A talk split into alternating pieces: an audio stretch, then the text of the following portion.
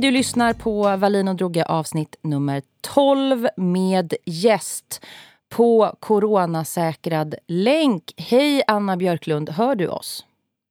Hej Cissi, jo jag hör er helt okej. Och Unni hör dig, alla hör varandra. Vi hör varandra, hej hej. Eh, hej Unni. vi vill ju fortsätta ha gäster i podden och därför kommer vi spela in så här lite med, med, med folk på lina. Eh, du ska dessutom föda barn typ imorgon kanske. Så att det ja, känns skönt att inte ungefär. utsätta dig för att du ska knöla hit dig. Du skulle inte få plats. Det tackar jag för. Vad är det här för jävla body? Jag är väldigt parant just nu. Det är synd att ni inte får se mig. Majestätisk. Men... Body shaming här redan. Ja. Eh, Anna, du är ju, vi har ju hört dig i Della Q. Eh, du har en ny podd som heter Della Café, om jag inte har fel. Kaffe... Nej, nej. Den heter faktiskt Café Q. Café Q. Det var, det, var därför jag inte hittade den. Det var därför inte folk komma ihåg. vilken research! Nej, det var det Unni som Della, sa till mig att den heter Della Café. Ja, men det är inte vi. Det, det är alltså en tidning i så fall, för det har stått i tidningar. Della Café. De har citerat okay. det. De, det är mm. deras fel. Café. jag har lämnat Della-koncernen eh, ju. Även om jag fortfarande är gift med den och sådär. Du ligger med den men du jobbar inte i den längre om man säger.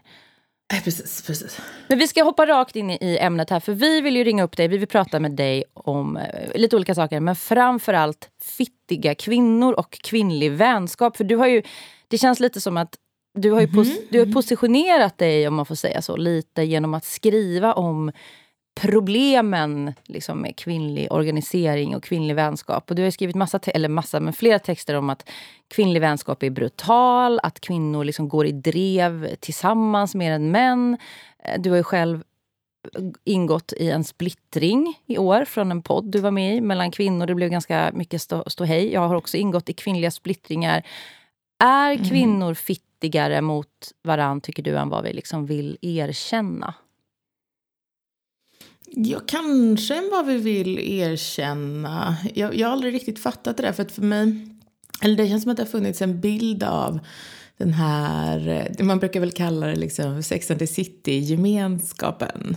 Där man liksom eh, tar hand om varandra liksom genom hela livet. Eh, och det spelar ingen roll att man är olika utan den kvinnliga vänskapen liksom går alltid först på något sätt. Och den, den, har inte, den finns väl inte riktigt liksom men om man säger så här då, om, man ska börja, om jag börjar att vara med att vara helt drastisk. Vad är det fittigaste du har gjort mot en kvinna? alltså jag, jag tycker inte att jag är så himla fittig. Det är väl liksom... Ehm, eh, jag tycker, jag är ganska liksom... Eh, just i nära relationer så är jag rätt snäll. Och jag tycker det är ganska bra att vara det.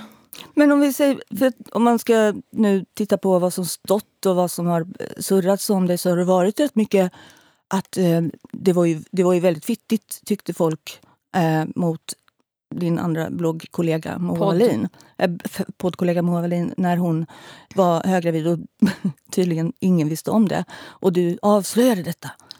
Det var fittigt tyckte ja, folk. Ja, precis. Det, var ju lite, det blev lite konstigt. För att eh, där var ju, vi hade ju liksom, ja vad ska man säga. Vi hade ju, skulle ju släppa ett avsnitt om hennes graviditet eh, den dagen egentligen. Och hon hade sagt till mig att hon hade berättat för alla våra gemensamma arbetsgivare. Hon hade sagt till mig att, att hon berättat för alla eh, flera månader innan. Och jag hade vetat om det i flera månader för att eh, hennes graviditet hade ju eh, pågått ganska länge då. Och, eh, så att jag uppfattade verkligen inte det som en, en hemlighet. Liksom. Um, och heller inte som någonting, alltså det, jag tycker inte att det är någonting taskigt. Alltså det är väl hennes kanske mest förlåtande drag att hon då var gravid tyckte jag. eh, och jag ville berätta. Det var fittigt uh-huh. Nu är inte hon här. Och kan... Nej men okej, men det där blev ju en jättegrej och det var ju massa skriverier att det var, liksom, det, var det typ det vidrigaste man kunde göra. Alltså du svek systerskapet så mm. grovt genom att berätta den här privata detaljen. Förstår du? Var, det, var, var det det? Alltså i min filterbubbla så var det det. Det är inte vår åsikt, ja. men det var vad som framfördes. Det var, liksom det, det var så det refererades. Ah, ja, okej. Okay. Ja. Nej, men om man, Eh, nej, men det- alltså, det, det är möjligt, jag vet inte. Det, alltså, folk uppfattade det också som att vi var väldigt osams då. Det var vi ju heller inte. Eh, vi liksom bråkade ingenting utan jag fick reda på från helt andra människor liksom, att, vad som hade hänt. Och eh, vi har inte haft någon kontakt liksom, som vi slutade jobba ihop. Så att vi liksom, det har aldrig varit ett, ett stort bråk heller. Alltså så att vad folk läser in, jag vet inte riktigt. Är ni fortfarande eh, vänner då? Nej, jag är absolut inte det. Ehm, och, eh, men eh, jag och Bianca liksom har... Hon var på min 30-årsmiddag för några veckor sedan och, och så där, vi har inte supermycket kontakt. Men, eh, men det här att det skulle vara ett sånt stort infekterat bråk, eh, det, det, det var aldrig riktigt Varför så tror du att det blev så, varför blev det så uppblåst? Då? Varför blev det det egentligen? Hade det blivit det om det hade varit snubbar som hade varit lite så här, ja, gruffat lite grann eller så? Det blev en jättegrej. Nej, men jag tyckte själv alltså, att det var löjligt. Jag tror ärligt talat, ja, alltså, jag vet inte riktigt. Det var väl lite kanske att det var under en lång helg mitt i, i under liksom corona, att det fanns inga andra nyheter just då. Ehm, det hände liksom ingenting annat i världen. Det, det tror jag spelade in. Men, sen, men jag tror också att eh, alltså det var ju en... Eh, det ska man väl ändå komma ihåg att, att La Q var liksom en populär podd. Alltså det, det var någonting som ganska många gillade och liksom brydde sig om. Och, så där. och då såklart när det kommer ett sånt plötsligt besked om att, att eh, vi skulle lägga ner med omedelbar verkan. Så, så ja, det, det, sånt, sånt eh, det skapade väl någon slags känslor då, antar jag. För jag kommer ihåg att jag följde ju det här som många andra eh, lyssnade på podden också. Så, men jag, det, eh, det, det som pågick i flera ja, veckor nästan. Och till slut så var det så här, då- det blev aldrig tö- uttömt. Att så skulle, så skulle Expressen, eller om det var Aftonbladet, jag minns inte vilken tidning det var, skulle liksom göra någon sån här Sagan och fallet med Del- Alltså ungefär som att, förlåt mig, men som att det var liksom ett storbolag som hade gått i konken eller en Ja, dynasti ja, men, mm. liksom. Som, och så Vad hade skönt de, att det inte bara är jag som minns det som dramatiskt. Nej, men jag kommer ihåg att det var den här artikeln i någon av kvällstidningarna hade liksom ringt upp människorna runt Della Q. Och det har jag också... ja, det läste inte ens jag. Nej, men det var något sånt att liksom, vi har pratat med fler. Ungefär, ja, men ungefär som att man avslöjar en stor, liksom the Watergate-case ungefär. Och lite samma med Gardet som jag är fortfarande engagerad i som en ideell feministisk förening när det var några som hoppade av. Påminner ganska mycket om Della Q, alltså på vissa sätt. Och det blev ju också så här följetong i media och så här rösterna bakom och det stormar och jag är så här, har det här, om man ska ha någon form av genusperspektiv, liksom, händer det här snubbar när de bryter jag tycker snubbar bryter samarbetet hela tiden och blir osams. Eh, Nej, om, om Varanteatern skulle splittras skulle det bli ja, samma... men ja, Nej, det, här, jag, det var- tråkigt. Ja, men man kan- jag vet inte. Man kanske inte skulle fokusera så mycket på vad någon hade sagt och man var, någon var taskig mot en annan eh, medarbetare. Alltså det, skulle, det skulle säkert kanske bli rubriker men det skulle inte vara så personfixerat eller kanske så Nej, men det- futtigt. Det jag vill fråga Anna är, tror du att den här fittigheten som vi pratar om, ligger det i, hos Mm. många kvinnor att man vill ha drama? Den, den så att säga, eh, om man säger att det är en myt som sägs om kvinnor, att män är bättre Mm. på att säga så här, ah, ja, det där var tråkigt men nu går vi vidare. Men att liksom kvinnor ska vara så här, man ska liksom pysa ut små, eh, man, man ska ge liksom små, bis, små så här, godbitar som folk ska så här förstora upp. Gillar vi det här dramat? Det är därför det blir så Mm. stort när kvinnor splittras eller bråkar. Alltså jag, jag, jag tror faktiskt inte att, det, att, att kvinnor är mer dramatiska på det sättet faktiskt. Men, men däremot så... Jag, jag har liksom umgicks, umgåtts i, i, i så här konstellationer med tjejer i hela mitt liv. Jag har nästan aldrig haft en killkompis. Eh, liksom, och jag har varit hästtjej i den typen av sammanhang. Liksom, och, så. och min erfarenhet är ju att det finns... Alltså det som tjejer har som, som, jag inte, som jag upplever att killar slipper det är ju det här ständiga hotet om exkludering.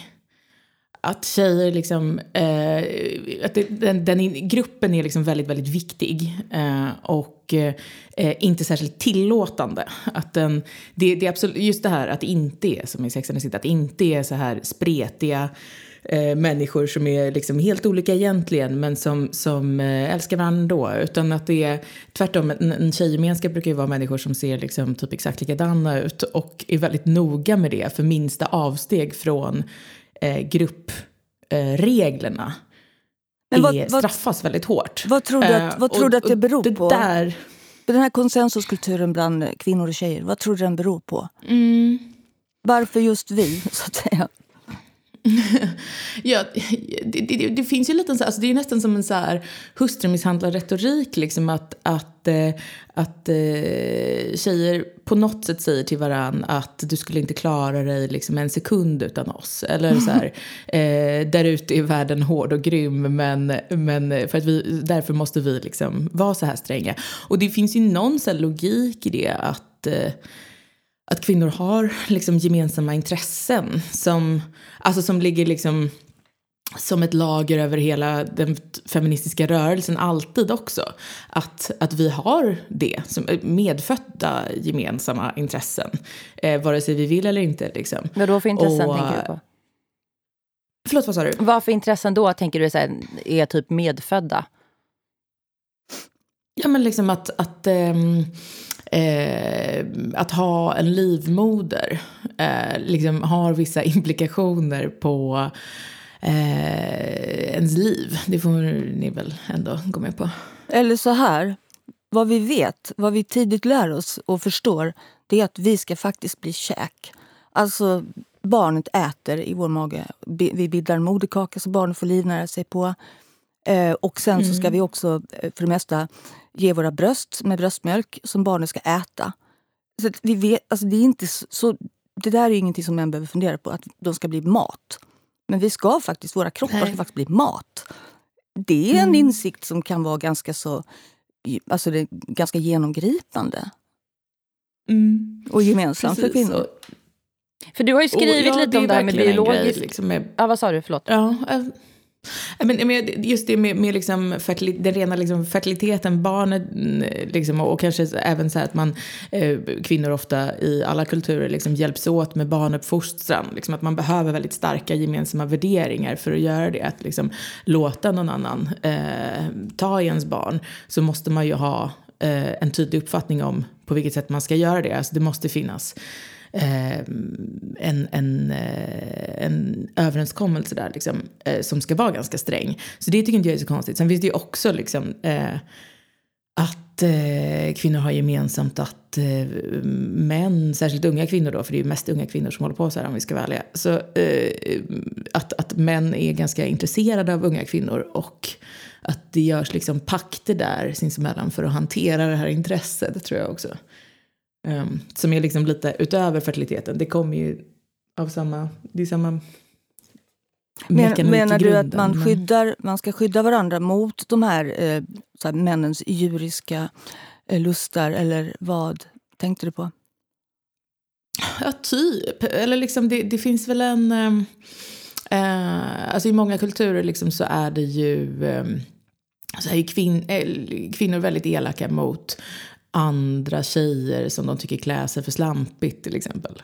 Förstår du vad jag menar? Att man, behåll, man har liksom en, eh, som en, en kartell tjejer emellan med liksom hur man klär sig, hur man beter sig. Så att, så att, liksom, så att man ska hantera det här problemet som är eh, män och deras lustar. Typ. Men på tal om det. Jag, eh, jag läste en text av dig från Göteborgs-Posten som är några mm. månader gammal. Och Där skriver du om den kvinnliga vänskapen som brutal. Och Ett citat mm. som jag tyckte var väldigt intressant, som jag gärna vill höra mer av, hur du tänker och vad som har hänt. Eh, du säger, när jag hade mag att skaffa barn utan att fråga min bokklubb först, eh, upplöstes den ganska direkt. När jag startade en, fri, mm. när jag startade en frispråkig podd då antar jag att de syftar på Della Q, eller du syftar på Della Q, mm. eh, kallades vi farliga av andra kulturkvinnor i varenda svensk tidning. Mm. Faller det här under ja. samma norm, liksom, att avvikande kvin kvinnor som avviker från kvinnokollektivet ska straffas av andra kvinnor? Eller hur menar du med det här? Vad tänker du? Ja, precis. Det, det där tror jag vi, vi eh Eh, Eh, alla liksom upplevde lite när, när, alltså, mm, när, när, när vi startade Della Kul, när, när eh, så, så fanns det ju, då, då var det ju liksom Eh, för, för I Sverige så ingår ju liksom en, en viss sorts feminism i den här överenskommelsen, då, i de här reglerna om hur man ska eh, bete sig mot varann inom det här eh, liksom påtvingade livmoder. Eh, gemenskapen. Och, och där, jag, jag upplevde det som att, att de tyckte att vi bröt mot det. Jag tror liksom Malou von Sivers, eh, när, eh, när vi var med i Malou någon gång så presenterade hon, eller första frågan var så här, jaha, ja, ni går emot allt jag någonsin kämpat för. Så, så och, och det var, det var liksom lite den stämningen som att vi liksom svikit Alltså begått, begick något så här modersmord liksom, um, på, på allt som de, de tidigare generationerna liksom jobbat för, som vi borde vara tacksamma för. Men vad var det uh, ni... Jag lyssnade ju på, eller jag har lyssnat på de flesta avsnitten. Uh, och ja. Jag har inte, även om jag då inte har hållit med om allting, som man brukar säga, disclaimer. Hur kan du prata med någon du inte håller med om allting? Nej men så har jag ju ändå inte för, riktigt förstått den här, desto fler avsnitt Nej. jag har lyssnat på så har jag inte riktigt förstått den här alarmismen kring att ni skulle ha varit, att Della Q skulle ha varit ungefär som att KD hade sponsrat tre Östermalmskvinnor för att prata om kärnfamiljen. Jag har inte riktigt Nej men om man säger så här, man tänk på de som lyssnar nu som kanske inte är så insatta. Vad var det egentligen det som fick eh, Malou von Sivers att tycka att ni avvek från allting som hon har lärt sig eller allting som hon känner? Vad var det, var det specifikt ja, någonting eller? Det, det, bra fråga egentligen. Alltså jag tror... Jag tror att det var väl jag som liksom pratade oftast om de mer eh, vad ska man säga, ideologiska grejerna. Eller så, alltså, eller så här, det, det, jag, det jag tycker är liksom intressant lättast eller vill hålla på med. Det är ju liksom i någon slags gränsland mellan så här filosofi och livsstil.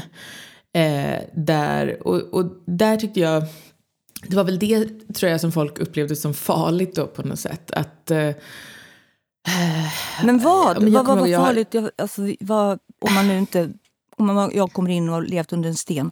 Vad var det som var farligt? Ja.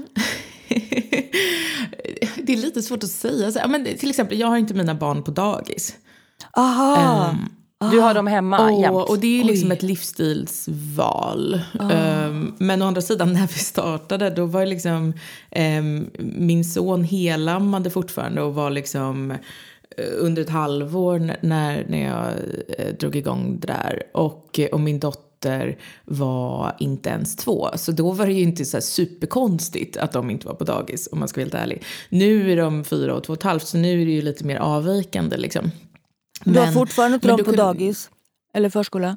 De går fortfarande inte på dagis. Nej, precis. Är du sån här uh, Min dotter kanske kommer börja med något Är du så särartsfeminist då? Är det, är det, är det, var det det som fick dem att, eh, att ticka? Nej, men, jag vet, jag, jag, jag vet inte riktigt vad särfeminist betyder om jag ska vara ärlig. Nej, men det, finns, det eh. var faktiskt en, det var en diskussion, den har ju böljat fram och tillbaka om just detta mm. med att lämna barnen på förskolan.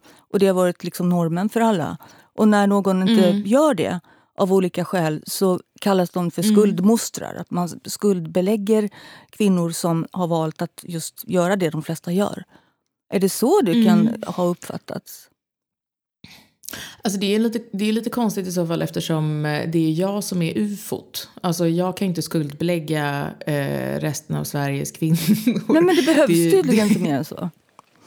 Du, Nej, du gör ju samma sak Nej, igen, precis, du och det, är väl, och det är väl för att många kvinnor som eh, lämnar sina 12 månaders på, på eh, dagis, alltså har väl eh, har väl ofta ett, ett eh, alltså de har ju ifrågasatt det där själva i olika vändor. Eh, och, eh, men, och då blir det, det, är liksom, det är en väldigt, eh, man behöver inte trycka så hårt på den knappen för att eh, det ska kännas. Om man säger så. Men har du, det kanske jag, missat, jag kanske har missat någonstans i någon podd där du har sagt det då, men har du moraliserat över så här, jag kan inte förstå hur mammor kan lämna bort sina barn till Nej, när de är små. Nej, okej. Okay. Men en, Nej, det har jag faktiskt inte. Ändå um, så ehm. uppfattade man dig eh, många som att du var någon slags konservativ eh, moralist. Som, ja, men jag kommer ihåg när Greta Tur, eller heter hon Tun eller Turfjäll? Tunflärp, ja, precis. Tunflärp. Du, du, är en huskvinna. Ja, hon skrev ju om er som Ah, nämnde det, er. det. Det. Mm. blev en jätteuppmärksammad text att liksom den, den konservativa feminismen är tillbaka. Och det, det blev som en kapplöpning på kultursidorna där alla luktar hårbotten. Nej, men om just liksom hur, hur problematiska, eller hur fantastiska Della Q... Ni var ju en sån vattendelare. Och vad, vad tror du den reaktionen säger om svensk feminism och svenska feminister? Bra fråga. Alltså jag tror min, min relation liksom till svenska feminister. Alltså jag, jag, jag har liksom aldrig varit så nära.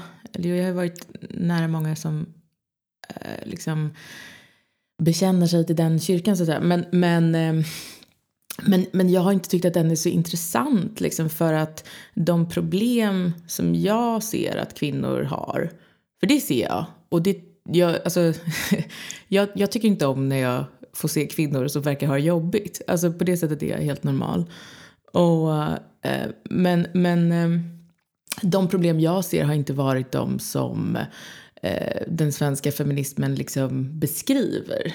Eh, jag tycker det är, och det är lite konstigt tycker jag att, att man fortfarande liksom pratar om eh, att det, eh, det viktigaste för kvinnor skulle vara liksom att, att gå upp i eh, eh, skaffa ännu finare titlar, ännu fler högskolepoäng och, och jobba ännu fler timmar i veckan. Att det är liksom det som ska vara målet med, med kvinnors liv och den, den politiska kamp som kvinnor ska föra. Eh, när det är helt uppenbart liksom att det, det som kvinnor mår dåligt av ofta är helt, på helt, i helt andra områden av livet. Liksom. Att jag tycker folk verkar ha problem med sina relationer och sina eh, barn och sina familjer och sina, det är sådana grejer som inte funkar. Liksom. Men är det, hur- är det en kapitulering då? Att, så att säga, men då anpassar jag mig efter det. Jag vill inte må dåligt. För att det är sant att väldigt många kvinnor mår, har dåligt samvete för att de egentligen hade velat vara mer med sina barn medan de är väldigt små. Särskilt när de, har, Mm. när, när de är borta. Jag vet inte vad du tycker Cissi, för du brukar tycka det är skönt när de är borta eh, och du får lite lugn och ro. Men, Ja, men jag ju, kan- gillar inte småbarnsåren, det har jag konstaterat. Jag längtar tills mina barn är så åtta och fem och åtta, när vi typ kan prata med varandra mer. Men, eh, Jo men, Men- vi kan väl spinna på det bara att är det, är det som du och de som väljer det, jag har faktiskt själv också gjort det under en lång period när barnen var små, vilket de nu hatar mig för. att du var hemma? Att jag var hemma var hemma? Vi, Nej, var var hem, hemma. vi jobbade liksom hemma och ungarna sprang omkring som en, Mm. och uppfostrades mer som hundar, säger de själva då. Eh, kanske därför Mm. jag är så bra med att ha hundar. Men i alla fall, det, det, var, det, var, men det var liksom, det var ju ett val.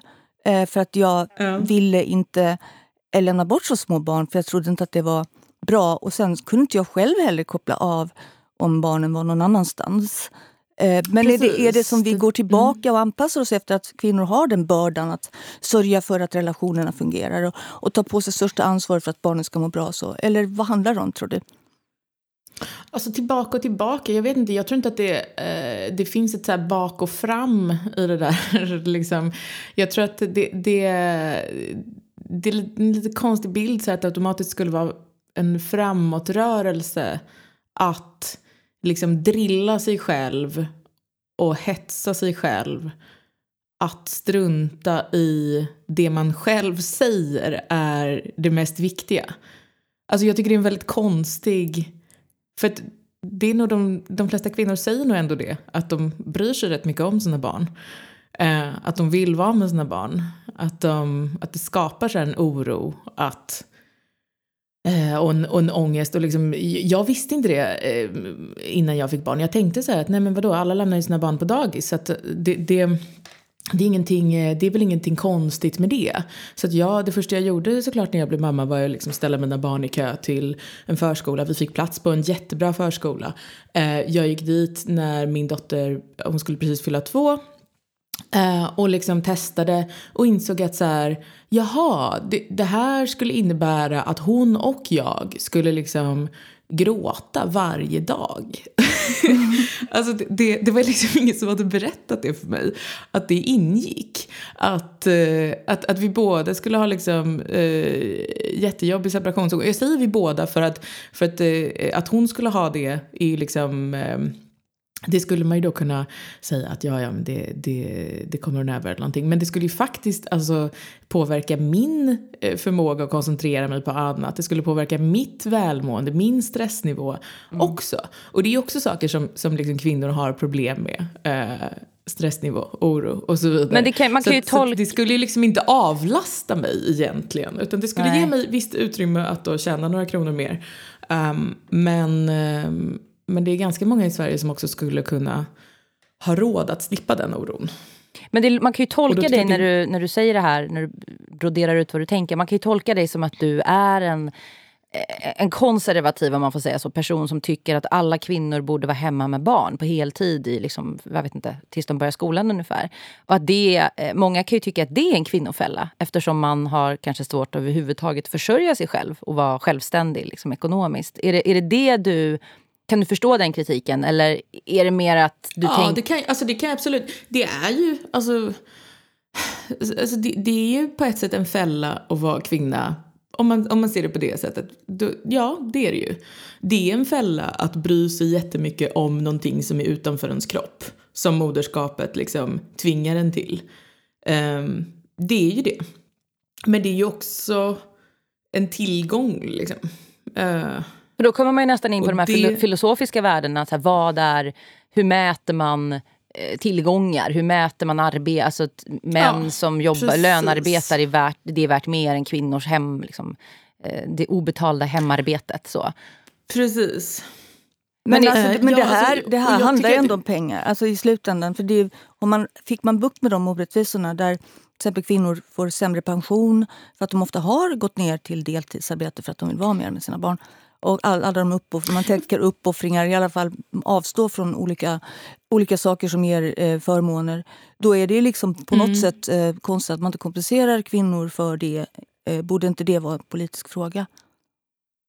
Alltså, jag tror att hela, alltså, hela den där diskussionen måste på något sätt eh, startas om lite grann. För jag tycker man pratar om det som att det att, att liksom vara hemma är samma sak som det var för 50 år sedan. När liksom dagis uppfanns. Och det är ju faktiskt inte det. Alltså det, det, det är inte att vara helt isolerad till exempel att vara hemma. Utan man kan ha ganska många gruppchatter igång så att säga. Alltså till och med nu under Eh, pandemin så, så, kan man faktiskt det. Det, eh, det är man kan, alltså det, distansutbildningar är uppfunna. Jag har jobbat hemifrån hela tiden när jag är hemma med mina barn. Alltså, annars kanske inte det hade funkat för mig för att annars kanske jag hade blivit för isolerad. Men, men det funkar faktiskt. Alltså det, det, det är lite bredare. Vi är, alltså reallönerna är också tre gånger så höga som de var eh, när dagis uppfanns. Det går att klara det. Det är inte liksom ett liv på marginalen eh, på samma sätt det, som eh, för många. Liksom. Det beror helt på det, vad man det, eh, jobbar med. Om man är undersköterska kanske man inte, då kan man inte jobba hemma. Och det är svårt att kombinera liksom hemma hemma, hemmamammaskap. Med... Är, exakt, ja precis. Och det, jag, tror det, jag tror det är lite så här, men att, att de förutsättningarna för eh, många, alltså reallönerna har ju ökat liksom, genomsnittligt. De har väl ökat eh, mindre för låginkomsttagare, det är helt rätt. Men, eh, men eh, jag tror att det är det som gör att det här känns som en aktuell fråga på något sätt ändå. Att de gamla argumenten liksom inte riktigt stämmer överens med hur det funkar nu för vissa. Liksom. Um, för att jag hade inte kunnat leva som jag gör för, på 70-talet överhuvudtaget. Um, men om vi tittar på andra politiska frågor, för du sa ju så här, ja men om frågor som feminismen eller feminister i Sverige, de tittar homogena gruppen feminister. Nej men som många driver. Du, du tycker att man fokuserar mm. på fel grejer. Till exempel att kvinnor ska ha, ja, göra karriär, som du säger. Vad är det mer du tycker är är det så här, pratar du om typ menscertifiering som det... att det är trams? Eller vad, vad, är liksom, vad tycker du konkret? Vad är felfokuset? Och, men jag, jag, vill bara säga, jag tycker inte att det är fel att kvinnor gör karriär. Jag tycker själv liksom att det är superkul att jobba. Det är bara liksom, eh, att, att, eh, att göra det som intensivast just när man har pyttesmå barn tror jag är, eh, liksom nöter ganska mycket på en. Eh, det, det är väl ungefär. Men, men ehm, ehm, ja, jag vet inte. Alltså, den svenska feminismen, den håller väl på med liksom Alltså det är ganska triviala frågor ofta och mycket, alltså så här, det är väl mest symbolfrågor. Som det känd, jag, jag får alltid känslan av att de är liksom uppfunna för att skapa just eh, en sammanhållning mer än att det är någonting som är viktigt på riktigt. Liksom. Mm, va, nu blir det intressant här. Berätta mer. Jag, vill, jag, vad jag jag, jag, har ju börjat få de här... fittigt. Så vi skulle, kvinnor de, de skapar Nej, men jag kan hålla alltså med motiv om det här. Jag Jag, menar- säger inte, jag tar inte ställning heller, men det låter lite fittigt att säga att kvinnor inte gör det på riktigt, att det är någon falsk gemenskap som man skapar. Är det så? Men, men, men, men eh, Unni, när, när såg du liksom en, en... eh, Om vi pratar just om så här undersköterskors löner till exempel. Alltså när såg du liksom en, en stor debatt om så här ensamstående mammors villkor eller något sånt? Alltså det, den delen av feminismen är ju eh, ganska död. Ja. Eh, utan det man håller på med är ju just... Eh, ja, jag vet inte. Ja, men... eh, Du får ge några exempel nu. är, det, är det liksom... Nej, men du, du, Alla exempel jag kommer på är från, liksom, ehm, eh, från för tre eller fem år sedan. För jag tror att det där håller på... Det, det kanske inte, folk kanske inte orkar med det lika mycket längre. Liksom. Men... ehm, så att jag vill inte låta för... jo, gör Som att det. jag är fast i någon så här revansch mot Jo, men säg nu. eh, 2015. Jo, men ös på nu. Vad hände 2015 som du har fastnat i? Berätta. Men vad, det, det känns som att det var då det skrevs eh, allra flest liksom, debattartiklar om att eh, det är så jobbigt när män tittar på mig på gatan. Eh, Eller eh, eh, det är faktiskt... Eh, eh, man borde inte kalla det naturligt smink för att smink, det här med naturlig skönhet är en patriarkal konstruktion. Alltså förstår det, det var liksom den nivån på eh, på debatten ganska många år, eller hur? Ja, och det handlade vi- mycket jo. om pronomen, det handlade mycket om ganska så här, alltså egentligen rätt ytliga saker. Ja, symbolfrågor, det var... Men jag håller med. Ja, men det Jag brukar kallas att tyg, tygpåsefeminism brukar man ju lite elakt kalla det för. Ja, precis. Och som också var, alltså det var ju en rörelse för tjejer som var liksom eh, 22 och inte hade ett enda riktigt problem. Ja, men så kan man, det, nu blir folk, men jag är arga, men det, jag har ju kommit join the dark side också. att jag eh, Ja, men jag har liksom gjort mig hatad i, i lägren som har hyllat mig. För att till slut så kvävs man. Det känns som att man befinner sig i en sekt. Att så här, jag, jag sitter också lite awkward på min eh, kammare hemma och jobbar hemma och ingår inte liksom i någon stor kon konspiration. Och slänger ur mig mer eller mindre genomtänkta saker i poddform eller textform. Och sen så liksom hakar en massa människor på som jag inte har bett. eh, Som kanske inte heller alltid förstår ironi, som inte kan förstå raljans, som kanske inte heller ser nyanser i saker utan det blir så här Åh fy fan för alla män som tittar på gatan! Och så bara, Nej fast nu kanske inte jag menade alla män för att människor tittar ju på varandra ibland utan att det finns en liksom sexistisk kontext. Ja, nej men poängen är jag förstår vad du menar och jag är beredd att hålla med. att Man problematiserar liksom allt för att man är eh, en del... eh, Jag var odräglig när jag var 22 för övrigt. Men att... Eh, liksom man, Ja, men alla är ju odrägliga när, man, när de är 22. Alltså det är liksom lite... Det, det, det, jag tycker att det är lite någon slags vuxenvärldsansvar ibland hur mycket man ska...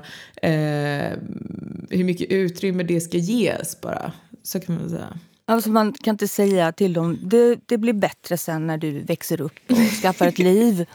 Det kan vi inte heller säga Du för det är kanske extremt lär dig något när du blir mamma. Men då är det ju, patri- ja, men då Nej, är det, då är det ju patriarkatets röst som Nej men om man ska vara lite så här, jag, jag, jag förstår att man kan höra det här och känna, åh nej gud vad de är raljanta och det här är jätteviktigt för mig att prata om de här som vi tycker då är symbolfrågor.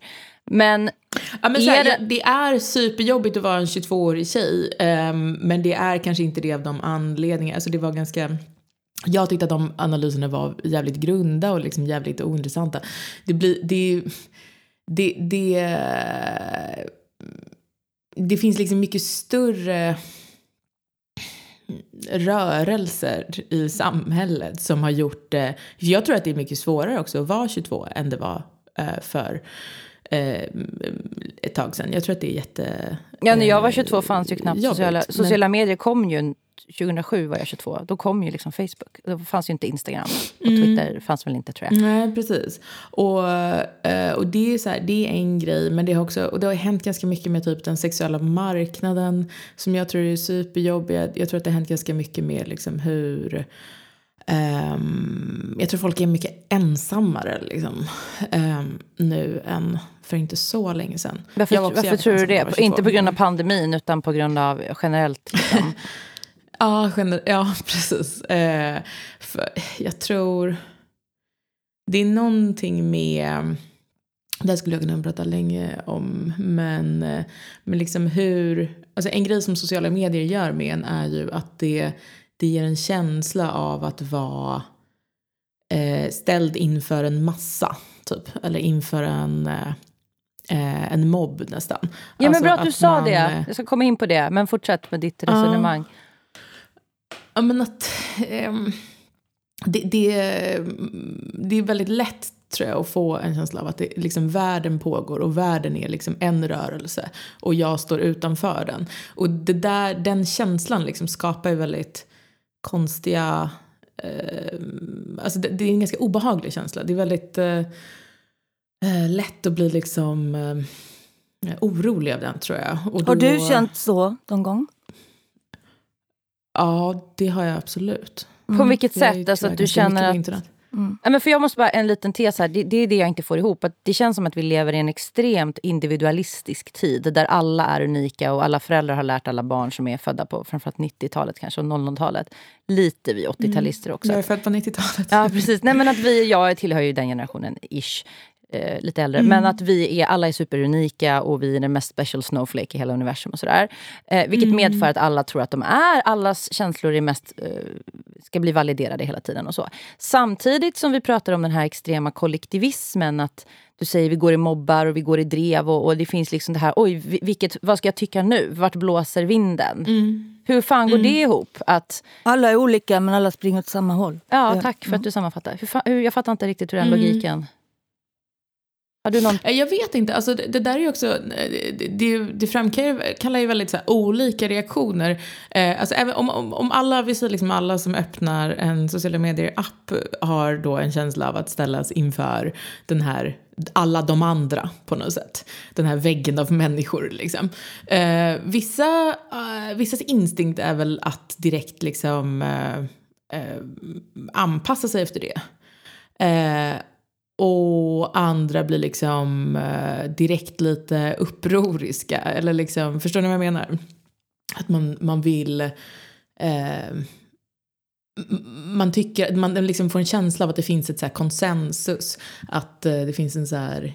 Eh, grupp, den, att den här stränga gruppgemenskapen liksom... Ja, men det kan man ju, ett, ett, ett konkret Eh. exempel, avbryter jag dig, förlåt, men jag tänkte på när Black, Ja, när. Black Lives Matter hände, eh, eller ja, det har ju hänt länge, Mm. men när det blev jättestort nu i, eh, hjälp mig, var det i somras eller i våras? Ja. Det var Ja, ju som somras var det väl. Ja, vå, ja, ja, någon gång. Nej, men det var ju när George Floyd mördades, nu kommer jag inte ihåg om det var i maj Mm. eller om det var i juli, men det var ju då någon gång innan hösten.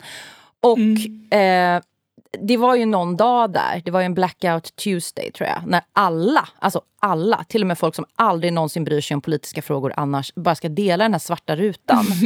och jag gjorde ju också det, Mm, precis. för att jag Det follow Ja. the stream liksom. Och det kändes ändå viktigt. Men du var ju så här, du tvärvägrade ju och skrev någon story där du problematiserade det här. Att ja, för du hade fått kritik tror jag för att du inte hade lagt upp någonting om det här. Och då skrev du någonting med så här, jag faller inte för masspsykoser. Jag vet inte vad du skrev, men det var liksom ditt budskap. Är det är det, det du Jag inte menar? ihåg vad jag skrev, men... Nej men du, du förklarade Ja. liksom att jag tänker fan inte dela saker bara för att folk ber mig eller liksom kräver att jag ska dela saker. Jag delar saker när jag vill. Är det det du menar med det här när man öppnar sociala medier? Att det blir en mass, om man får använda det, en masspsykos. Liksom, att nu ska alla. Ja, för att, och, mm, och det var ju ett tag som, som det var ett sånt upprop i veckan. Det är ju några år sedan, jag vet inte om ni kommer ihåg det. Men, men när det var liksom... Eh, när folk bytte Facebook-bild liksom varje vecka för att det var något nytt upprop i liksom någon del av världen. Det var liksom någon folkgrupp i Asien här. Det var någon eh, liksom, eh, diktator i eh, eh, Afrika här. Det var någon... Det blev tillåtet något med liksom- homosexuella äktenskap i USA. Då skulle alla ha en så här ny avatar. Precis. Ja, exakt. Och det, liksom, det bara pågick hela tiden. Och varje gång så liksom fick jag, och jag tror en del andra, känslan av att det liksom satt någon och så räknade in alla. Så här, nu ska vi se, nu måste alla byta här så att, det inte liksom, så att vi vet att det inte pågår något skumt. Eh, att det inte finns någon så här... Eh, eh, kryptofascism dold här någonstans. Utan nu måste vi liksom bocka av alla på listan. Och det där är ju väldigt så här, alltså min, jag är en sån jobbig människa som liksom får kalla kårar av det. Jag, jag kan inte liksom bara bara göra det. Det är, inte en, det är inte en stor och jobbig sak att byta profilbild eller liksom lägga upp en svart bild. Det är väl superenkelt. Liksom. Men, men jag, jag tycker det är obehagligt. Ja, precis. Ja, men jag vill, vänta, jag vill, vad, vad det handlar om så jag vill höra jag dig utveckla lite, Anna. Vad, vad, är det, vad är det det väcker i dig? Varför blir du så tvär till det? Varför kan du inte tänka bara så här, ja men jag kan väl, jag kan väl hänga på för den goda saken? Var... Men det är att jag inte vet eh, vad det är. Och jag vet att de andra som gör det inte heller vet exakt vad det är. För att det, det finns ingen människa som... Eh, jag tror man skulle kunna ha det som liksom heltidsjobb och försöka sätta sig in i de här eh, liksom, eh, uppropen eller vad det nu kan vara. Men som ändå inte förstår det. Och jag vet liksom men jag, jag, jag, jag träffade liksom under just så den eh, BLM-vågen i somras där så, så träffade jag någon som, som sa liksom glatt och inte stolt men liksom ja, men, eh, med ett gott humör så här, att nej men vadå, men jag gjorde det för att det var trendigt. Eh, och jag, och det tror jag de flesta egentligen gjorde. Och, eh, och då, jag tror att jag liksom tar sånt där på lite större allvar än än många gör. Alltså jag tycker att jag kan också göra saker som är trendiga för att de känns kul. Men inte liksom inte när det kanske handlar om någonting som är på riktigt. Alltså om det handlar om någon som har blivit mördad av liksom en polis. Då tycker jag att det är faktiskt lite, alltså det är faktiskt lite för verkligt för mig. Alltså förstår ni? Jag är lite töntig på det sättet. Jag tycker att det är faktiskt skillnad på på liksom Ja, men rent mode och politik. Det är kanske skillnad mellan civilkurage och att springa i en flock. Och det verkar inte som du är en flockmänniska. Eh, det, det kan Nej, ju... det är väl kanske inte. Mm. Fast ja, sen, sen, läser folk in så mycket om man säger det tror jag. Jag vet inte. Men du har ju varit... För det är lite, vi tänkte vi skulle prata lite om att det är också det att många har stämplat dig då som bråkig. Eh, du har själv sagt att du är mm. näbbgädda. Ehm, att du sa att du var näbbgädda mm. när, när du eh, blev mm. avpoliterad från tankesmedjan. Men det var en man som inte stod ut med dig tydligen. Eh, mm. Ja, och då sa du själv att du är näbbgädda, du säger emot och du avviker. Alltså, du verkar vara så som går mot strömmen, helt enkelt. Ja, men jag säger inte emot bara för att säga emot heller. Jag säger emot liksom när, när jag tycker att det finns en anledning. Och det där eh, kan också folk blanda ihop lite väl ofta tycker jag. Att det är liksom som att all bråkighet är samma sak. Mm. Det är ju inte det. liksom. Nej. Faktiskt. För jag tänker på det här med mobb och drev. Du skrev ju en text där du nämnde mig bland annat också i GP i... Jag ska kolla exakt när det var här. Men där du... Mm, nämnde dig som drevledare. Ja, exakt. Eh, mm. men jag tyckte det var uppfriskande att läsa för att det var faktiskt delvis i alla fall ett uppvaknande för mig. Eh, eller så här, mm. det var ett uppvaknande att läsa, för du skriver ju väldigt... O, alltså du, du lindar ju inte in saker. Du är väldigt liksom rakt... okonstlat. Så, o, vad säger man? Okomplicerat. Det, jag hittar inte ordet nu för jag är, jag, är, jag, jag, jag, jag, i, i min, jag är min självrannsakan. Jag är ett skov. Nej men, men just att um, det var nytt nyttigt för mig att läsa för att just när man sitter hemma eller sitter på något litet frilanskontor och jobbar och har en stor plattform mm. och inte liksom har, precis som du säger, det är skillnad på att ha en strategi och, så här, och jag har en Instagram-strategi, mm. eller det, det har vi också pratat om tidigare. Men än att så här, mm. göra saker och tro att här står jag och skriker i öknen ungefär. Nej men här står jag på min lilla flotte och, och gapar ut i, i liksom, så ekar det och så får väl folk göra vad fan de vill. Så är det, som, är det mm. som att det är en så färdig armé som bara står redo att rycka ut och sen peka på mig. Hon sa att jag skulle säga, hon sa att jag skulle ringa någons Precis. arbetsgivare eller eh, vad det nu kan vara. Fast jag aldrig liksom har eh, bett någon göra det. Ja, kanske någon gång när jag varit fittig. Du har, inte, du har inte sökt jobbet som liksom mobbledare? Nej, bara, men du skrev en, den här texten skrev du i GP då. Det är en bild på Mia Skäringer, så jag slapp i alla fall vara på bild. Står ju fan inte när den är ifrån, men säg att den är från i våras då. Eh, gång jo, här står det, där. 30 april. Anna Björklund skriver, det är kvinnorna som startar drev på internet. Män är kända för att hata på internet, men också kvinnor gör det. Skillnaden är att de föredrar att hata i grupp istället för som ensamma Flashback-killar. Mm. Då kommer vi in på den här kvinnliga konsensusen igen och grupp, Mm, gruppdynamiken. precis. Är det det, du, Mm. är det det som skaver i dig? Att, är du mer som en man då kan jag fråga? Som, in, som sätter armarna i kors och bara, jag tänker fan inte vara med på den här masspsykosen. Jag springer åt andra hållet. Ja, alltså det, det, det, det är också så himla svårt att, uh, att säga hur mycket det är liksom kvinnor i uh, allmänhet eller om det är... Det, det, ja, det, det är lite... jag vill inte heller vara tjejen som, som vill vara lika tuff och bra som killarna på något sätt. Det, jag vet inte hur bra de är. Men, men, men eh, det, anledningen att jämföra är väl liksom att man har pratat väldigt mycket om eh, om det liksom manliga näthatet, att det är det som är det stora politiska problemet. Det är det som är det farliga, det är de som liksom... Ehm, och det stämmer ju på ett sätt, alltså det är inte så många tjejer som kapar en lastbil och, och kör in i en, ett gäng turister. Liksom. Eh, det, även om de grejerna också startar på internet. Ehm, det är inte lika många tjejer som ehm, liksom eh, gå med i ett eh, högerextremt nätverk och liksom bära kniv på stan heller. Så att på det sättet är ju det, det manliga hatet liksom farligare på riktigt. Men, men eh, jag tror liksom för kulturen så tror jag tjejernas hat och tjejernas ehm, aggression är farligare. För att det, det skadar kulturen, för att det ger en stämning som är väldigt hämmande. Liksom. Alltså Det på tror jag. sista tiden vad jag har upplevt, jag har upplevt ganska många och det har ju Cissi också i allra högsta grad. Men, och säkert du också. Massor av såna här, kom, de kommer som grävsoppsvärmar och spyr ur sig en massa elakheter och skit. Och eh, jag var ju ganska van vid att få såna från män. Jag blev faktiskt till och med klassad som en av de farligaste kvinnorna i Sverige på någon så här Flashback-tråd. Men eh, det var, ju- de, de lärde man sig ganska snabbt att dechiffrera. För de var, det var så här att du är ful.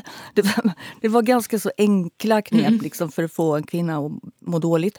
Men sen har jag upplevt hur kvinnor, tjejer beter sig när de kommer i flock och ska dissa någon, eh, mig då i det här fallet, som har sagt någonting som de uppfattade som olämpligt eller som de tolkade som eh, opassande för deras eh, ideologi eller världsbild.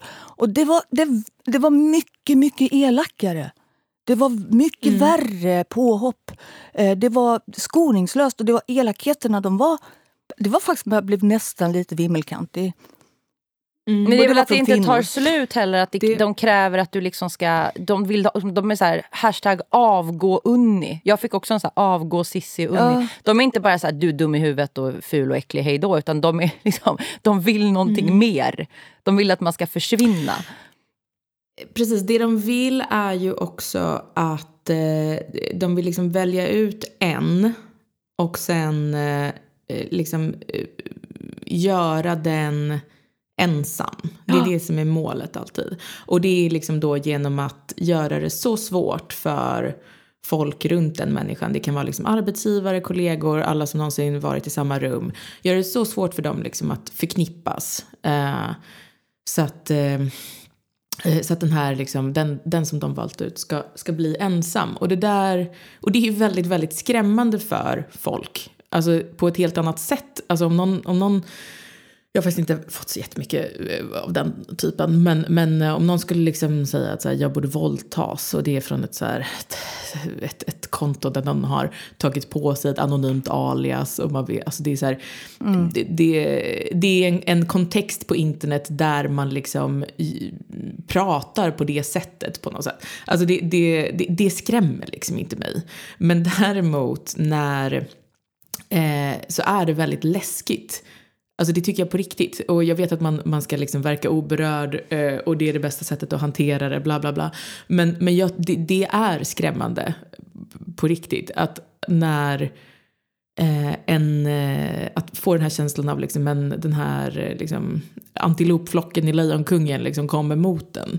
Och det tycker alla människor är läskigt. Och, och alla som har varit nära ett drev vet det. Att man behöver inte ens vara den personen för att känna, alltså få den här skräcken. Liksom. För det är väldigt obehagligt för människor att petas ur flocken. All, alltså det, det gör... Jag kan liksom inte riktigt klandra folk som, som tar avstånd från någon som är utsatt för ett drev. För att eh, det, är, det är egentligen väldigt naturligt att göra. För att människor är flockmänniskor. Vi vill vara i en gemenskap. Liksom. Vi vill inte det, det, det, är typ det läskigaste som finns att petas ut sådär. Och det är läskigt av olika och, skäl. Och varför är det läskigt? För att ja. jag tror att i längden så är det också någonting som är livsfarligt för den som blir utsatt. Därför att vad, de, vad, vad det syftar till det är egentligen att ta ifrån den personen dens levebröd. På olika sätt mm. snärp, alltså dra in på den personens olika sociala kontaktnät. Alltså helt enkelt inskärpa det som ja. är nödvändigt för att kunna överleva. Ja, precis. Och, och jag tror att det, det alltså många jag pratat med som varit, varit utsatta för någon typ av sån grej. Alltså det, det påverkar ju liksom, alltså det, det är många som får, får Eh, en helt förändrad relation till så sin familj, alltså typ till sina föräldrar, till sina syskon. Till liksom, alltså det, det, gör saker med hela dynamiken runt den för att alla får liksom panik. Men kolla, vad var det um, värsta du har varit med om i, det, här, i det här avseendet? Har du råkat ut för någonting som du tycker är allra, allra värst? I den, för du måste, man, måste ha varit, man blir luttrad liksom. Men vad har du haft svårast för när det gäller alltså, Jag har inte varit så utsatt eh, faktiskt. Uh, Men din man har ju varit det. Exakt. Och där har ju Min jag man har varit väldigt varit utsatt, eh, skyldig jag delvis. Jag har ju pratat med din man. Jag jag uh. föredrar att prata med folk personligen än att typ framföra någon slags ursäkt på nätet. men jag har ju skrivit till honom och så här, nej fan jag är ledsen jag gick för långt liksom. Det var, han godtog det. Eh, men när han, när han skrek eh, om Åsa Linderborg någon morgonpodd, det är ju några år sedan. Men han blev ju av med allt. Mm. Och det var ju inte min mening när jag kritiserade ja. honom. Det var inte så att nu ska den jäveln inte kunna försörja sin familj. Nej, och det skedde över en natt. Det gick så fort. Nej, men jag, jag, jag har nog inte förstått förrän efterhand mm. hur, hur jävla avpoliterad han blev. För att han sa något jävligt plumpt. Liksom. Men hur var det för dig då, Anna? Det, för du stod ju bredvid. Ja, jag stod bredvid och det var liksom... Eh, jag gjorde ett poddavsnitt med Åsa Lindeborg där vi pratade om det här. Eh, det, eh, som ja, kom det har inte jag i, hört. i höstas. Men så att jag liksom... På ett sätt har det inte riktigt varit min sak att hantera sådär. Men, men det är klart att alltså, vi, vi var ganska nygifta. Vi skulle...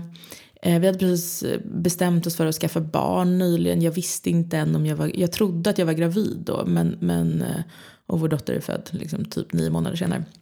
Men så det, det var ju såklart att jag var också... Ja, jag hade precis fyllt 25 då. Så det var ju liksom ett, ett ganska så skört skede i livet att min man liksom blev av med allt. Och det var ju också ett av de tidiga dreven som var av det, det slaget. Liksom. Nu, eh, nu är det ju ganska vanligt att, att, när man blir utsatt för ett drev så, så startar någon liksom en, en Patreon och så plötsligt får man 100 000 i månaden av, av liksom internet. Men då var det ju så här, han hade jobbat för för liksom eh, SVT och public service och Aftonbladet liksom och eh, stora, en, det var bok, de, de stora utgivarna liksom.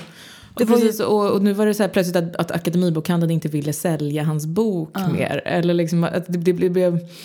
Eh, och han kunde inte jobba med teater, han kunde inte jobba med liksom...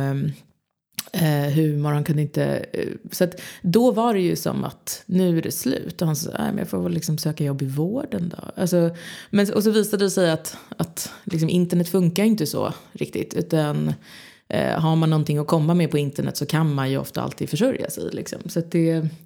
Um, och det har ju gått rätt bra, liksom. det har löst sig. Men, men det är klart att det var, det var, jätte, det var, det var jättejobbigt. Liksom. Men har du blivit färgad av det? Här, ja, vad sa du?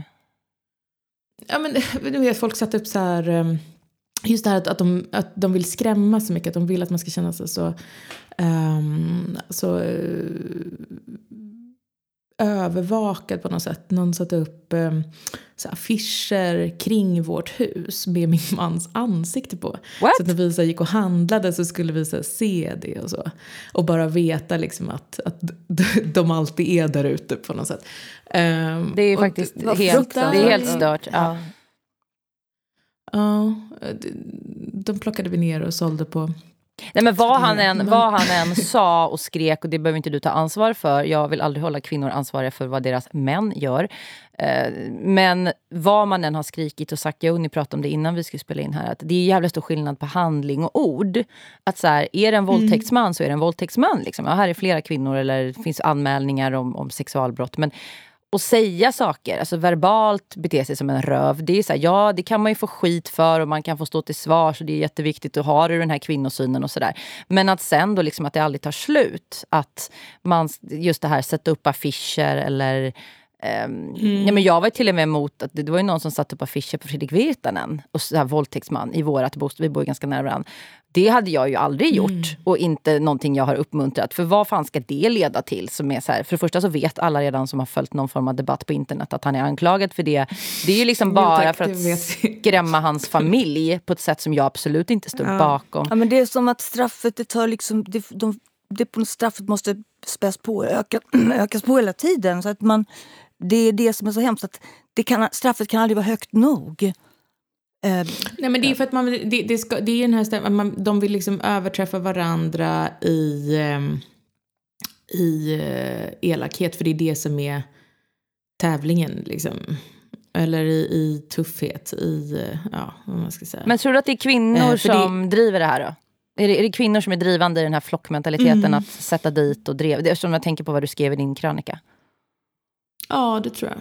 Men även och i fallet de som, som vill gällde... bli godkända av den kvinna, kvinnogruppen. Liksom. Men det, det fallet som gällde din man eh, Kringland, han kanske inte kallar sig för det längre, men eh, är det, var det mm. också, menar du, enligt dig, eh, iscensatt av kvinnor?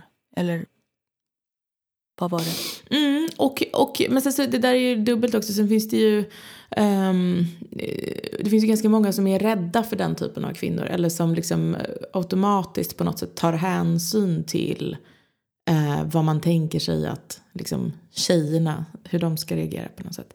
Så det finns nog en del män där också. Men det, jag skulle säga att det är en... Uh, ja, det, det, är ju... Det finns ju liksom ingen ingen på Mia Skäringers nivå eh, i kultursverige som är man som liksom skulle bete sig på det sättet. Det är liksom, du, du kommer aldrig se Henrik Dorsin göra så. Göra så? Hur eh, menar du? Vad, har, vad har Mia Skäringer gjort menar du konkret? Eh, ja, men som att, liksom, att, att, ähm, att delta äh, i ett, liksom att, att välja ut en, en äh, egentligen då en, en kollega äh, och liksom attackera den offentligt. Vem var det? Ja, var det Mr Cool? Jaha. Eller var det något annat ja, hon har gjort? precis. Ja, det, det är väl den jag tänker på nu. Men ähm, det, nej, men det, det är ju ett men tänker du så här ledande... En tjejig instinkt att söka stöd så. För att, alltså, du, du kan ju se två Dramaten-gubbar bråka med varandra också. Och de kan till och med göra det i, i kvällstidningen. Men du ser dem inte söka stöd hos gruppen på det sättet. Varför gör de inte, eh, varför, liksom... varför gör de inte det då? För jag menar, titta på så Alex Schulman och Sigge Eklund. De, sitter, de kan vara ganska giftiga mot kvinnor, alla slags kvinnor i sin mm, podd. Mm. Men det stannar väl liksom i podden. Det är inte så att de skriver 15 inlägg i sociala medier om det också. Nej, precis. Vad, vad, tror, Nej, vad är din genusanalys kring det? Att varför gör, nu vet inte jag hur många inlägg Mia Skäringer skrev och jag skrev, men var, varför gör jag vet inte heller, men skillnad? Liksom? Det är någonting som får det att ta fart. Jag vet inte, för att, och det, det, har någonting att göra med hur man formulerar sig. Jag vet inte, jag kanske borde Nej, men kolla Anna, du har ju själv... Men för, att, för att jag har ju också så här, äh, Du har ju skrivit i, om det. Ehm, du har ju berättat om och senare, ja, men då, då, har jag liksom, jag har ju kritiserat liksom, saker. Jag har liksom, eh, Eh, men, men det, jag tror faktiskt att det är en riktig skillnad i eh, att eh, att liksom kritisera någonting, var, då kan man ju vara då giftig eller liksom eh, vass sådär. Som säkert ja, men, eh, Alex och Sigge kan vara eller eh, som många poddar kan vara.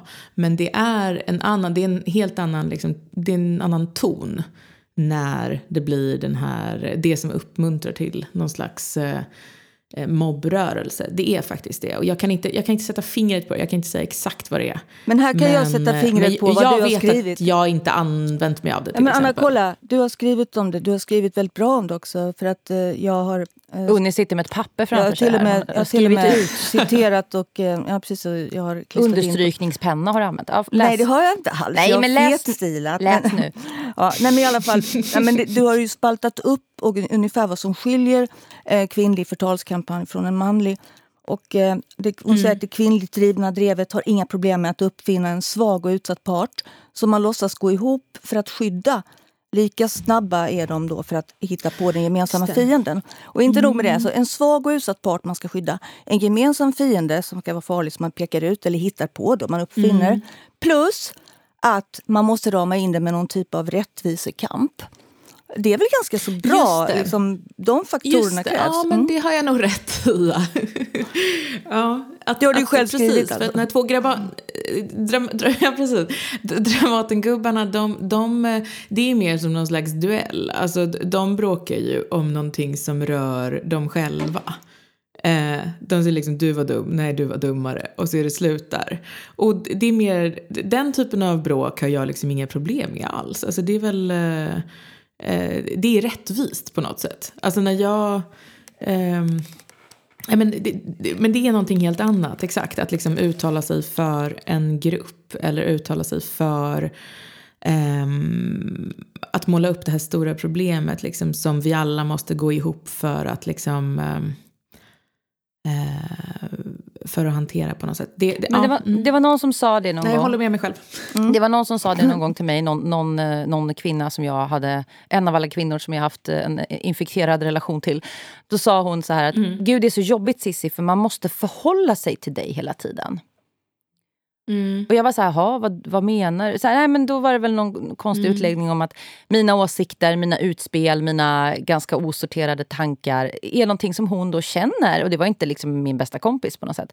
Men hon kände då att det är så jobbigt för att man måste hänga med. Och liksom, vad tycker jag om det här Sissi säger nu? Vad tycker jag om hon, förhåller, det är som att jag, hon är som en liten måne ja. som flyger runt mig som, som liksom en planet. Och det har jag ju aldrig bett om. Jag tycker väl att folk ska mest förhålla Nej. sig till sig själva och vad man går inåt och bara jag tycker det här var idiotiskt eller jag håller med eller jag skiter i vilket. Ja. Liksom. Är det där det kan ligga i att kvinnor Precis. mycket mer fostras till att förhålla sig? Du, jag tänker på det du sa om din bokklubb när folk blev eh, sura när du blev gravid. Var det för att de skulle förhålla sig till, till det då? Att de inte bara kunde Förstår du min liknelse? Att jag fattar mm, inte riktigt varför mm. det den här homogena liksom, konsensuskulturen tror jag är mycket starkare hos kvinnor. Men ja. är det det som är det stora problemet? Att man... exakt, det, exakt, det är det som är det stora problemet. Eh, men, och det är och då också något ganska naturligt, tror jag, för kvinnor. Men men ja, det är det som ger de här effekterna tror jag. Men vad var det de blev sura på i bokklubben? Jag måste få veta lite mer om det här. Det var väldigt intressant. ja, vad var det? Um, nej men det fanns bara en sån känsla så här, när, inför mitt uh, bröllop så då liksom um, det var också så här för att Eh, min, min mans då mediala härdsmälta, liksom, det var strax efter vårt bröllop. Men, men hela liksom, inför vårt bröllop så hade jag bara märkt så att Eh, ja, men jag har nästan inte träffat så mina tärnor sen bröllopet. det är lite, så här, det är ah, lite konstigt. Det... var liksom, det var som att eh, hela mitt, eh, min liksom, sociala värld bara byttes ut. Så där. Och det tror jag... Ja, jag vet inte, det, det, det, det kanske blev liksom mer extremt för att det var... det, det det var en, en, extrem period för mig och min man. Liksom. Men, men, eh, men jag, jag, vet många som har liksom vittnat om lite liknande. Att, liksom, det, att vara den första i bekantskapskretsen som, som skaffar barn, det, det är ganska liksom, ansträngande. För att jag upplevde att jag blev utsatt för små test hela tiden. Att jag skulle visa att jag fortärande var kul på något sätt. Ja, de tyckte eh, att du svek. Jag gick med på ett dem. tag, liksom, men att, att eh, liksom låtsas som att det är exakt samma sak att, eh, sitta och dricka vin en hel kväll och babbla eh, före och efter man har eh, fått en bebis. Det är ju inte riktigt exakt samma sak. Utan spelreglerna liksom förändras. Och ett tag, så här, ja, men ganska länge, kanske lite för länge, så gick jag med på det. Liksom. Eh, och just ville fort, för jag ville vara kvar i gruppen. Jag ville liksom bli, eh, eh, fortsätta att vara, vara insläppt, vara godkänd. Liksom. Men eh, Eh, men efter ett tag så, så känns det liksom självdestruktivt för att det, det var min nattsömn som... Jag behövde vara pigg morgonen på, de behövde inte det. Eh, ja, ni förstår. Det är liksom mm, ja, men jag mina kanske, förutsättningar. Jag kan känna igen det, ja. ja. ja. Jag var ganska tidig och, också i min krets. Jag var en av de första som fick barn. Ja, och det, det, sådär, det tror jag liksom...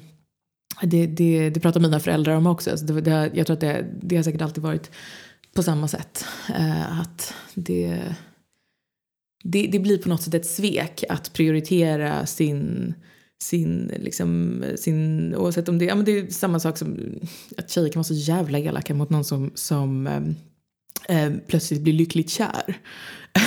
Mm. det kan ju också vara det största sveket. Då kommer den här liksom, fittigheten liksom, in igen. Mean Girls fittigheten. Det finns ju en anledning till varför den filmen mm. gjordes. Liksom. Eh, Anna, vi, vi måste avrunda. Men jag tänkte, eh, mm. och ni kanske vill peta in någon till fråga, men jag tänkte fråga dig också. Tror du att 2021 nu blir ett ännu fittigare år med ännu fler liksom, kvinnliga uppbrott och systerskapet i små, små partiklar överallt? Eller kan det bli bättre? eh, bra fråga. Jag vet inte, jag är så, så himla... Alltså det var ganska... Eh, för mig det här året så... Eh, Alltså, jag fick reda på att, att Della Q skulle lägga ner samma dag som jag fick reda på att jag var gravid och den här, den här vändan. Eh, och sen så liksom, och det var precis i början av corona. Och sen dess, jag har känt mig, jag vet inte om, om det eh, vad som är jag och vad som är omvärlden. Liksom. Men jag tycker att hela världen har liksom bytt ton på något sätt. Alltså, jag tycker det känns lite konstigt att prata om vad som hände i våras. För att det känns som så fruktansvärt länge sedan. Jag vet inte om ni... Men menar du bytt ton på men... något positivt eller negativt ja, men jag, sätt? Eller? Jag vet inte. Alltså det, det, är bara, jag känner mig lite så här eh, vilse i kulturen. Alltså som att, jag vet inte, finns det ens några så här... Eh, när jag kollar så här kulturdebatterna nu, ja men det är typ exakt samma sak som vi pratade om för några år sedan. Men, men eh, det, det är som att det är någon, någon gammal så här Della Q-prata på repeat fast liksom... Du menar att ni var, före er, ni var före er tid och så har folk Ja, ja men det, det, det, dels det tror jag. Och att eh, eh, ja, folk som skriver tidningar får ju börja tänka själva någon gång. Men, men i alla fall. Men, ehm, ehm, eh, men, men, också att, att det, liksom, det kommer i, Jag vet inte... Det, det, jag vet inte vad som händer i världen riktigt. Det, det, det är som att... Äh, folk inte får några nya intryck. Förstår du vad jag menar? Vi kanske fortfarande alltså det... står vid historiens slut. Du vet, som eh, Francis ja. Fukuyama sa, för när var det? 1980. men, eh, nej, men det är väl klart det mesta går i repris. Ju. Det är inte, vi är inte så himla nya moderna som vi tror. Jag skulle vilja avsluta nej, med... När ja. var det en sån smaskig debatt? Alltså nu har liksom metoo också börjat på någon slags andra våg. Alltså det är som att vi inte kommer på något mer. Jag vet inte. Nej, men samtidigt så känns det ju liksom bara segare och, och segare för varje gång. Ja, men alltså, alltså hade, om metoo ska blåsa li och så kommer en andra våg av metoo eller tredje våg eller jag vet inte så, så är, sitter ju jag mm. hemma och väntar på att folk ska gå bananas och bara outa varann och det ska bli massa så här mm. stämningar, alltså att det händer någonting. Så att det blir något jävla skak Jag känner bara att jag har slutat bry mig. Jag, jag, jag är liksom lite men det, det, kan ju vara att jag ska föda barn kanske typ i eftermiddag. Det, ja, det är lite jag, jag är liksom oh, så ockuperad av den tanken. Oengagerad i omvärlden just nu. Jag vet inte. Jag kan så ha att, viss eh, förlåtelse det, kring det. Unni, vad skulle du säga? Jo, jag Frågan. tänkte bara, eh, alltså, med anknytning till det du, du sa nyss, att, att eh, man, du sa att du känner lite vilsen. Sen kan det vara att du har, som någon sa som blev utskälld för det, sa att man får gröt i huvudet när man är höggravid och ny, har en liten nyfött barn hemma. Men, eh, jag, tror inte, jag tycker inte det låter som att du har gröt i hjärnan. Jag tror att det är kanske också en myt. Men att man känner sig vilsen och, och så här hemlös. Lite grann att i, historien är slut. Vi har inga nya berättelser. Att allting bara upprepar sig och vi är trötta på att gå tröska igenom samma narrativ gång på gång. Men varför sit, mm. vad tror du är anledningen till att vi tre nu pratar ihop? Jag tror nämligen att det har med det att göra. Ja, det, det är faktiskt intressant ändå tycker jag. För jag, jag, jag gillar ju den sortens... Jag, jag skojar med min man om att, att, eh, att, jag, är, att jag är samtalsextremist nu. För det, var det, det, är också ett sånt 2015-ord ju. som, som från när allting var, var liksom mer, eh, mer eh, stört. Uh, men, men jag tycker det, det, det är för en väldigt uh, trevlig riktning tycker jag. Ja men absolut. Men å andra sidan då så att, att det, det, kanske är, det kanske är någon slags avpolarisering av uh, världen. Mm. Jag vet inte. Jag har ju personligen tröttnat på, eh, om jag någonsin har lyssnat på det, men jag, nu är jag totalt obrydd om människor som så här, Jag har själv sagt de här sakerna, så fy fan stå för det. Men genom att bara ha samröre med vissa människor så är det som att du liksom, eh, berättigar deras... Eh, ja, men att som liksom, vi enablar din hemska värdekonservativa liksom, moralism ungefär, skulle någon kunna säga. Eh, och, och, det är mm. man ju jävligt trött på. att här, Bara för att man har varit på fest med någon eller pratat med någon eller ja, haft samröre med någon i den här lilla ankdammen Sverige så är man liksom av, då har det smittat. Då är man liksom mm. ihopklibbad som ett kluster med de människorna och allting de, den andra personen tycker och tänker. Eller också mm. är det att vi håller på att ömsa skinn allihopa här. För att, eh, det har ju du och jag pratat jättemycket om Cissi vi känner liksom att vi är på något sätt dissidenter. Vi vet, men vi vet inte vart vi ska ta vägen. Det finns inga alternativ riktigt. Jag tycker det är rätt skönt. Nej, jag... Känner du också som en dissident, Anna? ja, jag tror lite det. Jag håller på att skriva en artikel nu om, att, eh, om just 2015, att det var ett sånt... Eh, eh, att, det, att det var eh, någon typ av så här, 1968. Att vi alla lever så i svallvågorna efter det. Jag tror vissa, vissa kommer nog liksom som, ja, men som, som kanske Jan Myrdal eller Sven Wollter eller sådär. Eh, Vad kommer liksom namn, leva i förhållande namn? till det året resten av sitt liv. Alltså det, kommer, det spelar ingen roll hur många decennier som går. Utan vissa kommer alltid förhålla sig till den typen av så här, eh, catcall-debatter. Mm. Sa du några och, namn? Jag, bara, jag, jag vill ha namn. Jag att Nej, eller vad sa du? Du sa vissa... Var det Sven Wollter? Eller? Sa du Sven Wollter? Var, var Sven Wollter med i det här? Nej, det sa du inte. Jag tyckte... jo, jo, jag sa Sven Wollter. Jag sa att, men, att 2015 var som ett, ett, um, ett 1968 på något sätt för, för uh, Eh, att vissa kommer alltid leva i relation till det året som, som Sven Wollter och Jan Myrdal gjorde eh, till, eh, till 68. Alltså decennier ut och decennier in liksom, så är det de frågorna som var aktuella då som eh, liksom eh, präglar hela deras tänkande. Alltså för det var någonting extremt som hände då som vi alla fortfarande håller på att smälta på något vis. Eh, det, det, det, tror jag. Um, men Ja, Menar du att det är den berättelsen som vi måste, hela tiden måste liksom upprepa? För den, den berättelsen har väl också på något sätt blivit uh, sönderanalyserad. Uh, det är ganska tråkigt att höra dem skramla med det här gamla liket eller skelettet från 68. Jag har varit trött på det nu i 40 ja, men verkligen. Ja, och jag känner samma sak. Alltså, du vet, varje gång man, man ser någon eh, skriva att så här, eh, vi måste prata, uh, våga prata om migrationen. Eller du vet, mm. det, det, är så här, det, det, det, är ju, vissa kommer ju aldrig komma ur den stämningen som var då. Um, Ja, vi kan, vi kan ju prata om migrationen, men det beror väl på hur man pratar om migrationen kanske, eller vilken, i vilken kontext. Ja, ja men alltså, man pratar inte om någonting annat än migrationen. Alltså, förstår ni vad jag menar? Alltså, vi har ju egentligen gått vidare, men, men jag tror alla är på något sätt liksom fortfarande lite granatskadade av den polariseringen och hur liksom, märkligt samtalet var för några år sedan. Och hur aggressivt det var och hur ogeneröst det var. Um, så att uh, jag tror vi kommer behöva hantera det ett tag till, tyvärr. Liksom. Anna ja. Björklund, tack snälla för att du dök upp, höll på att säga, men tog dig tid att sitta höggravid framför en data, ja, dataskärm och tack, prata med oss. Tack så mycket. Det, det var, var jättehärligt att prata med dig. Och uh, lycka till nu med klippningen. Ja, lycka till med bebisen. Mm. Du behöver inga oombedda råd. Det känns som att du kan det här mycket, mycket bättre än både mig och Unni. I alla fall mig. Unni har ju, är ju någon slags urmoder här. Men du får ringa henne och fråga om så här hamburg, hamburgergreppet och urmoder, avslag och sånt. Ja. Ja. lycka till med allt. Ja, lycka till. Vi hörs. Puss. Puss och kram. Hej då. Hej då.